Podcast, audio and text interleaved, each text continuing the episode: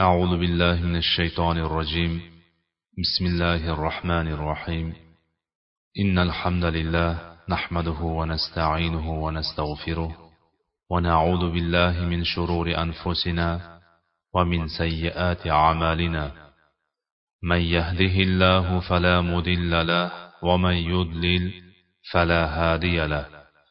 وأشهد أن لا إله إلا الله وحده لا شريك له واشهد ان محمدا عبده ورسوله اللهم علمنا ما ينفعنا وانفعنا بما علمتنا وزدنا علما وعملا يا رب العالمين السلام عليكم ورحمه الله وبركاته o'tgan suhbatimizda hijriy 620 yilda sodir bo'lgan eng muhim voqealar mo'g'illarning rossiyada bolgarlar qarshisida mag'lubiyatga duchor bo'lishi aksariyat musulmon diyorlaridan chigirtka balosining chiqishi ibn hokim anadolning gruziya mamlakatiga hokim bo'lish ilinjida nasroniylikni qabul qilishi g'iyosiddin ibn xorazmshohning eron va uning atrofidagi hududlarga hukmron bo'lishi va abbosiylar xalifasi uni zaiflashtirishga va uning davlatini parchalashga harakat qilishi hijriy 621 yilda sodir bo'lgan eng muhim voqealar. Fors mintaqasining g'iyosiddin bilan saduddin ibn dakla o'rtasida taqsimlanishi eronda mo'g'ul tatarlar musulmonlarni qatl qilishi chigirtkalarning chiqishi va qurg'oqchilikning kelishi kabilar mavzuyimiz bo'lgan edi. Bugungi darsimizni jaloliddin manguberdining eronga hukmron bo'lishi va abbosiylar xalifaligini ag'darishga harakat qilishidan davom ettiramiz inshaalloh. Mo'g'illar qissasi hijriy 616 yil melodiy 1219 yilda boshlangan edi. Shu ongacha zikr qilganlarimiz atigi 6 yil ichida sodir bo'ldi. So'ngra hijriy 622 623 yillarda.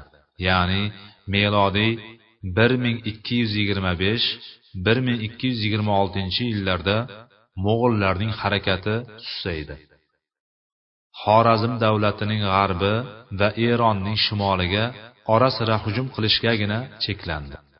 Butun e'tiborlarini egallab olgan keng mintaqalarda mustahkam o'rnashishga qaratdi.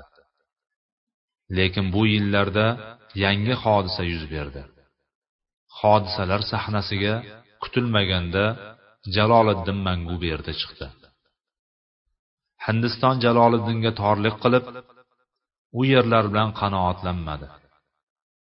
Shuningdek hindistondagi g'uriy shohlari bilan aloqasi yaxshilanmay eronga o'tishga qaror qildi.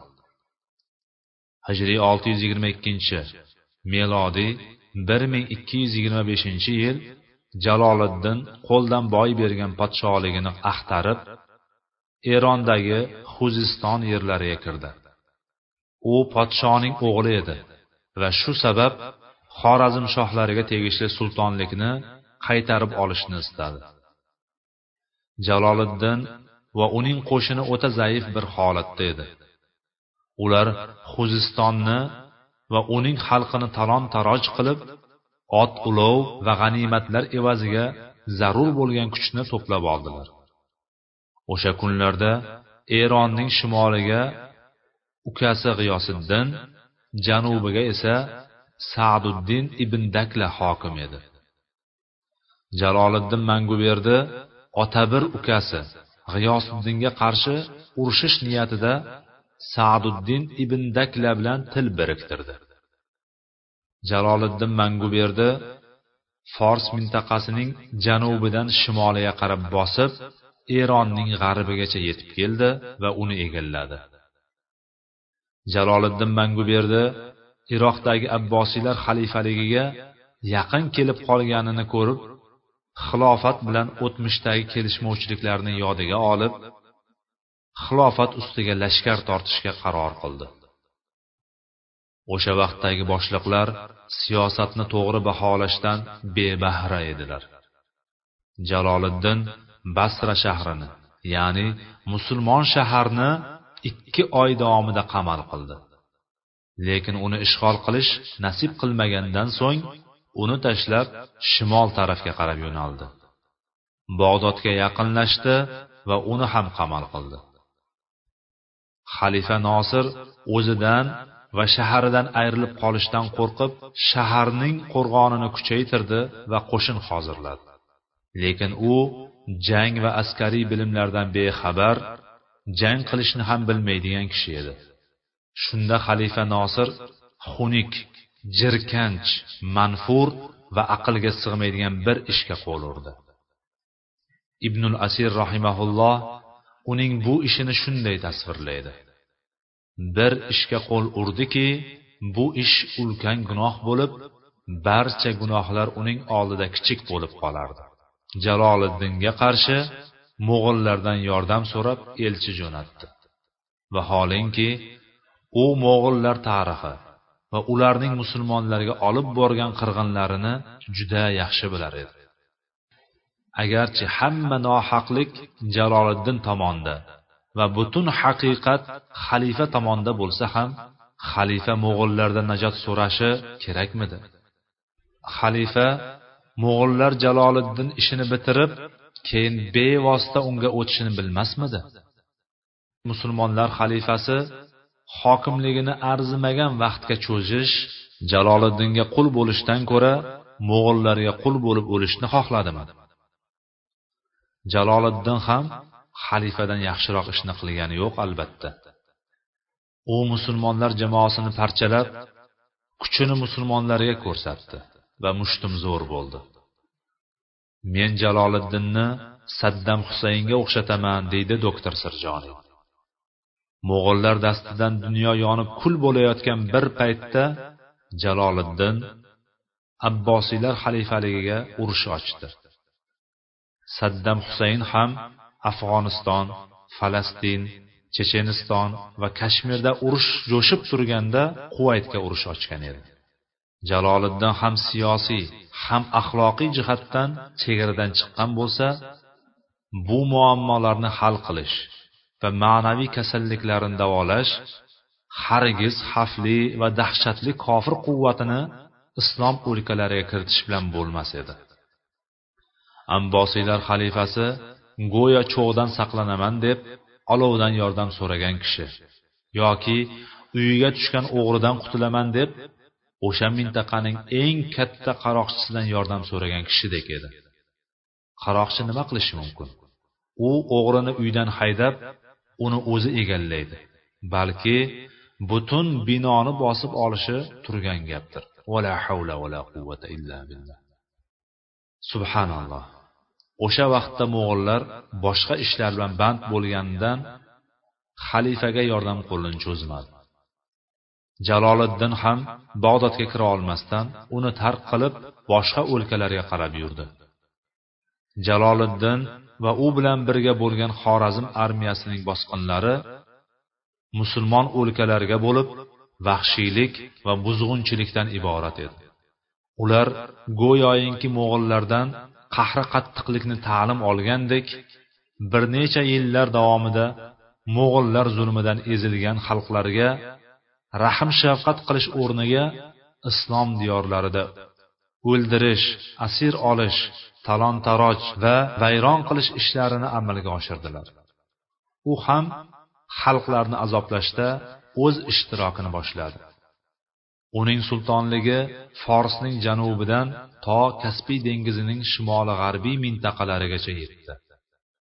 Bu mintaqa ancha keng biroq uning barcha mintaqalari iztirob va g'alayonli bo'lib bunga qo'shimcha tarzda bu mintaqalar aholisi qalbida adovat nafrat behisob darajada edi. Jaloliddin siyosiy husumat firibgarlik va beqarorlikni otasi aloviddin muhammad xorazmshohdan meros olgan edi. Bunday siyosat ummatning boshiga faqat og'ir kulfatlarni keltirishi turgan gap. Koshki musulmonlar buni anglab yetsalar.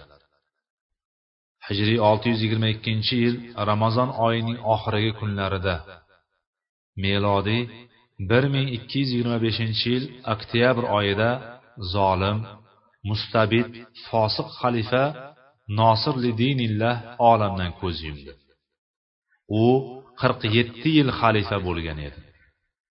Undan keyin xalifalik taxtiga o'g'li zohir bi amrillah o'tirdi. U xalifa bo'lganda ellik ikki yoshda edi. Ibn kasir rahimaulloh al bidayatu va nihoyada abbosiylarga bu kishidan ko'ra yoshi keksa inson xalifa bo'lmagan deb yozadi. U otasining butunlay aksi bo'lib solih taqvodor inson edi. Shu kungacha juda nodir suratda amalga oshgan ikki umardek adolat va ehsonni qoyim qilganidan hatto ibnul asir rahimaulloh al kamil fit tarix kitobida u haqda shunday deydi agar biror kishi xalifa umar ibn abdul azizdan so'ng xilofatga bu insondek kishi voliy bo'lmadi desa rost so'zlabdi u otasi tomonidan tortib olingan yerlarni egalariga qaytardi. Xalqning zimmasidagi katta soliqlarni bekor qilib insonlarga o'z huquqlarini qaytarib berdi. Mazlumlarni mahbuslikdan ozod qilib faqirlarga sadaqalar berdi. Hatto uning haqida bunday izdan chiqqan buzilgan davrda tamoman g'arib ekanligi aytildi. Uning otasi nosirning xalifalik zamonida bir yilda xalq zimmasiga solingan soliq miqdori sakson ming dinor edi. Ibnul asir rahimaullohning ushbu so'zlaridan ajablanasan kishi.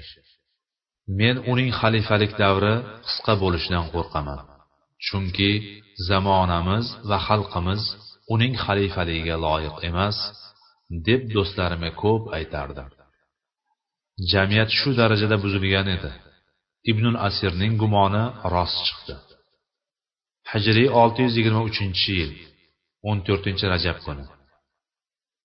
Ibn kasir rahimaullohning xabar berishicha o'n uchinchi rajab juma kuni melodiy bir ming ikki yuz yigirma oltinchi yil o'n sakkizinchi iyul kuni amirul mo'minin xalifa abu nasr muhammad ibn nosir lidinillah ya'ni zohir bi amrillah to'qqiz oydan keyin olamdan o'tdi. Xalifalik muddati to'qqiz oyu o'n to'rt kun davom etgan edi. Lekin shunga qaramay roviylarning zikr qilishicha u yo'qolib ketgan adolatni yangiladi unutilgan ehsonni xotirlatdi.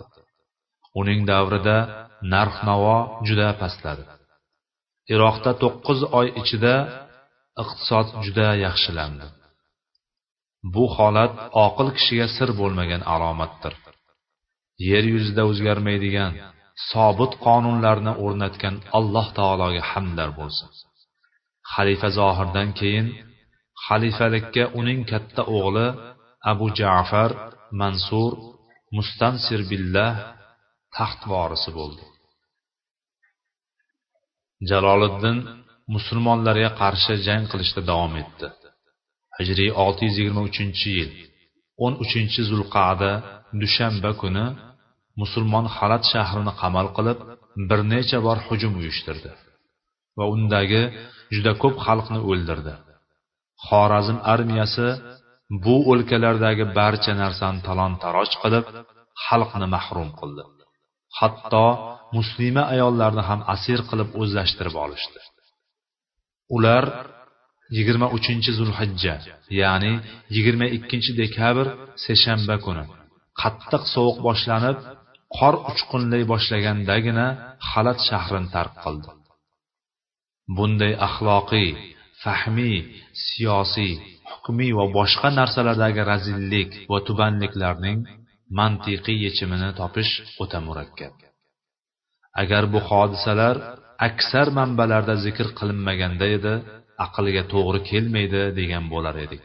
Lekin vala havla vala quvvata illa billah. Hijriy olti yuz yigirma to'rtinchi melodiy bir ming ikki yuz yigirma yettinchi yil yigirma beshinchi avgust kuni muhim hodisa yuz berdi. Qonxo'r zolim vahshiy jinoyatchi mo'g'ul xoni chingizxon. Allohning la'nati bo'lsin yetmish ikki yoshida o'ldi. Uning hayoti qonga qon to'kishga bosqinchilik va talon tarojga to'lgan edi. Sharqdan koreyadan boshlab g'arbdan fors mintaqasini o'z ichiga olgan juda keng mamlakatning hokimi bo'ldi.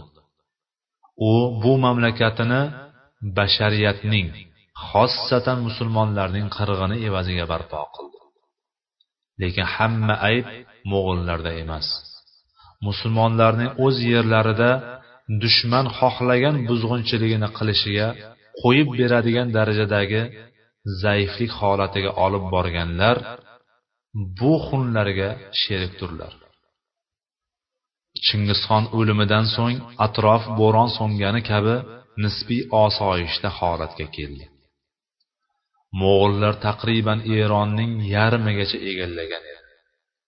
Jaloliddinning mamlakati esa eron va kaspiy dengizining g'arbiy mintaqalarigacha cho'zilgan edi.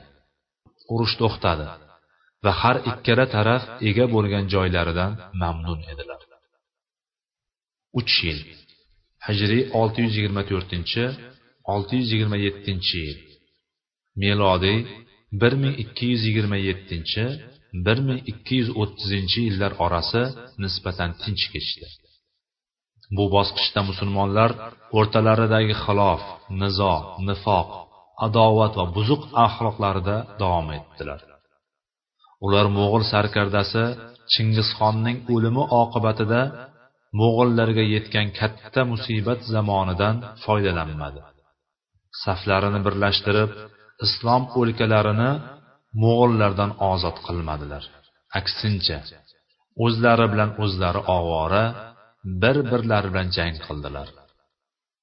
Bunday holat faqat iroq va eronning g'arbiy mintaqalari jaloliddin bilan abbosiylar xalifasi orasida sodir bo'lmadi balki butun islom olamida yuz berdi.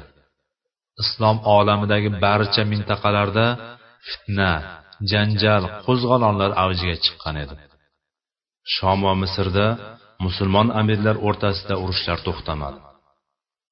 Gaplari bir joydan chiqmadi. Vaholanki bu mintaqalar hokimlari ayyubiylardan va ular orasida kuchli qarindoshchilik rishtalari bor edi.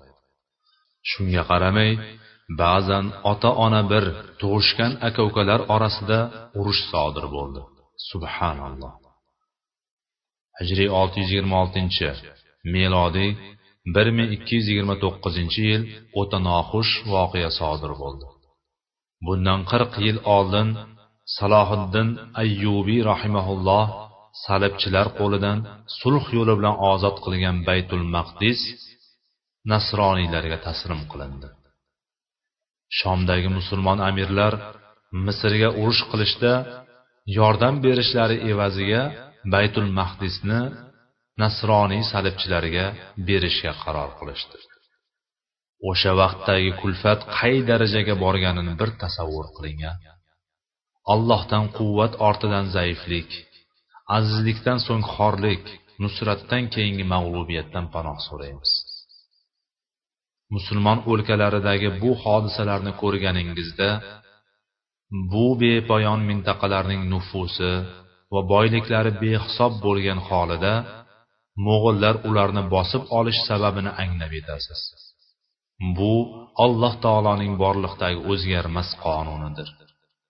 Qaysi davlatning ahvoli mana shunday bo'lsa uni tog'utlar egallashi turgan gap. Alloh azza va jalla faqat va faqat o'ziga yordam berganlarga yordam beradi. Agar sizlarga olloh yor bo'lsa hech kim sizlardan g'olib bo'lmas. Va agar sizlarni yordamsiz qo'ysa undan o'zga hech bir zot yordamchi bo'lmas. Oli imron bir yuz oltmishinchi oyat. Hijriy olti yuz yigirma sakkizinchi melodiy bir ming ikki yuz o'ttiz birinchi yil mo'g'ul tatarlar islom olamiga vahshiy yurishini yangidan boshladi. Chingizxonning o'limidan so'ng mo'g'illarga uning o'g'li o'qtoy xoqon bo'ldi. Rum davlatining boshliqlari qaysar fors davlatining boshliqlari kisro deganiga o'xshash xoqon ham mo'g'ul boshliqlarining laqabi edi. O'qtoy to'rt yil davomida mo'g'uliston va xitoy mintaqalarida davlatni boshqardi. So'ngra islom diyorlariga yana qo'shin tortishni rossiya yerlarini to'liq egallab yevropa mintaqasiga o'tishni fikr qildi. O'sha vaqtlar o'qtoy abbosiylar xilofatiga urush ochishdan voz kechdi. Buning bir necha sabablari bor edi. Birinchi bog'dodning o'ta mustahkam qo'rg'onlangani. O'sha paytlar bog'dod dunyodagi eng mustahkam qo'rg'onli shaharlardan biri edi. Zero bu shaharning yoshi besh yuz yilga yaqin bo'lib nufusi uch million yoki undan ortiqroq edi. Ikkinchi iroq shom va misrdagi musulmonlarni oyoqqa turg'izib yuborishni xohlamadi. Xilofat garchi zaif holatda bo'lsa-da musulmonlar uchun o'ta muhim ahamiyat kasb etardi. Uchinchi o'qtoy o'z bosqinining oxirgi qadamini abbosiylar xilofati bo'lishini fikr qildi. Unga qadar bog'dodning atrofini o'rab turgan mintaqalarni egallab so'ngra butun iroqni zabt etmoqchi bo'ldi. Yangi xoqon o'qtoy islom olamiga yurish qilishda mo'g'ul qo'shiniga mohir lashkarboshi sho'rmag'onni bosh qildi va behisob ulkan qo'shin to'pladi. So'ngra islom diyorlariga qarab otlandi. Mo'g'ullar ilk hujumini boshlagan diyor jaloliddin manguberdi qo'l ostidagi eronning g'arbiy mintaqasi bo'ldi. Sho'rmog'onning o'ttiz ming qo'shini bilan jaloliddin qo'shinlari orasida qattiq jang sodir bo'ldi. Bu jangda jaloliddin achchiq mag'lubiyatga uchradi va otasi qilgan ishni qildi ya'ni qochib qoldi. Askarlaridan to'liq ajralib iroqning shimoliga yetib keldi. Mo'g'ul qo'shini bu yerlardagi ho'li quruq bor narsani yeb bitirdi va juda qisqa vaqt ichida eronni to'liq egalladi. Jaloliddin manguberdi iroqning shimoliga yolg'iz qochoq bir ahvolda yetib keldi. U mo'g'illardan qochib yakka o'zi qishloqlar ichiga kirgan va bir necha oy g'oyib bo'lgan edi. Uning tirik yoki o'ligini hech kim bilmas edi. U arkot qishloqlaridan birida bir dehqonning uyiga keladi. Dehqon sen kimsan? deb so'raydi. Sulton dehqonning huzurida omonlik va ehtiromni qasd qilib men xorazm shohiman deydi. Dehqon buni eshitgan zahoti e xush kelibsiz. Deb unga ehtirom ko'rsatib yedirib ichirib mehmon qiladi. Jaloliddin uyquga ketganida uni bolta bilan chopib tashlaydi. So'ng uning kallasini iroqning shimoliy mintaqasi hokimi ashrof odiliga taqdim qiladi. Chunki jaloliddin ilgari ashrof odil bilan uzoq muddat urush qilgan edi.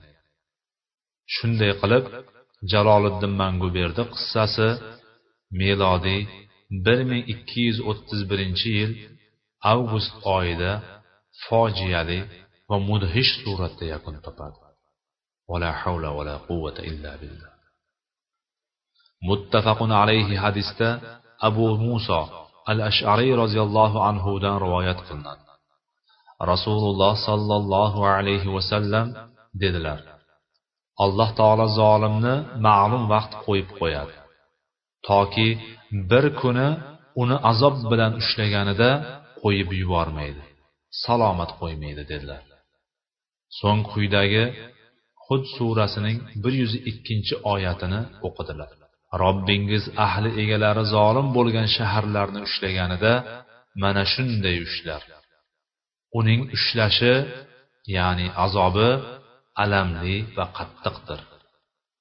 Rasululloh sollallohu alayhi vasallam naqadar rost so'zladilar jaloliddin qochib ketganidan keyin butun fors mintaqasi mo'g'illarga taslim bo'ldi. Faqat eronning kichik g'arbiy mintaqasigina qolgan edi. U yerlar shiyalarning ismoiliya toifasi qo'l ostida edi. Hijriy 629 milodiy 1232 yil sho'rmog'on bosqinchilikni davom ettirdi va ozarbayjonni qaytadan egalladi. So'ngra u urushni to'xtatishga va bu mintaqalarda sultonligini mustahkamlashga qaror qildi. Hijriy olti yuz yigirma to'qqizinchi olti yuz o'ttiz to'rtinchi yillar melodiy bir ming ikki yuz o'ttiz ikkinchi bir ming ikki yuz o'ttiz yettinchi yillar 5 yil mobaynida urush to'xtadi. Bu davrda birorta musulmon harakat qilmadi. Mo'g'illarga bosh ko'tarmadi. Vaholanki fors va ozarbayjondan boshqa yerlar iroq mosul misr hijoz shom va boshqa o'lkalarda son ming musulmonlar bor edi.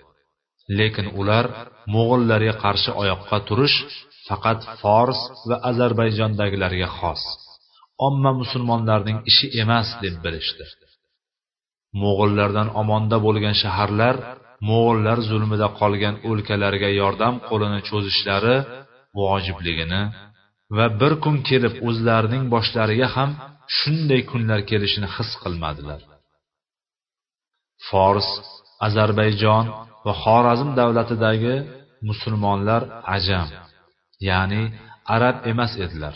Sahih islomiy tushunchalardan biroz uzoqroq din asoslaridan sal bexabarroq edi desak iroq shom misr va hijoz musulmonlari aksariyat arablar edi.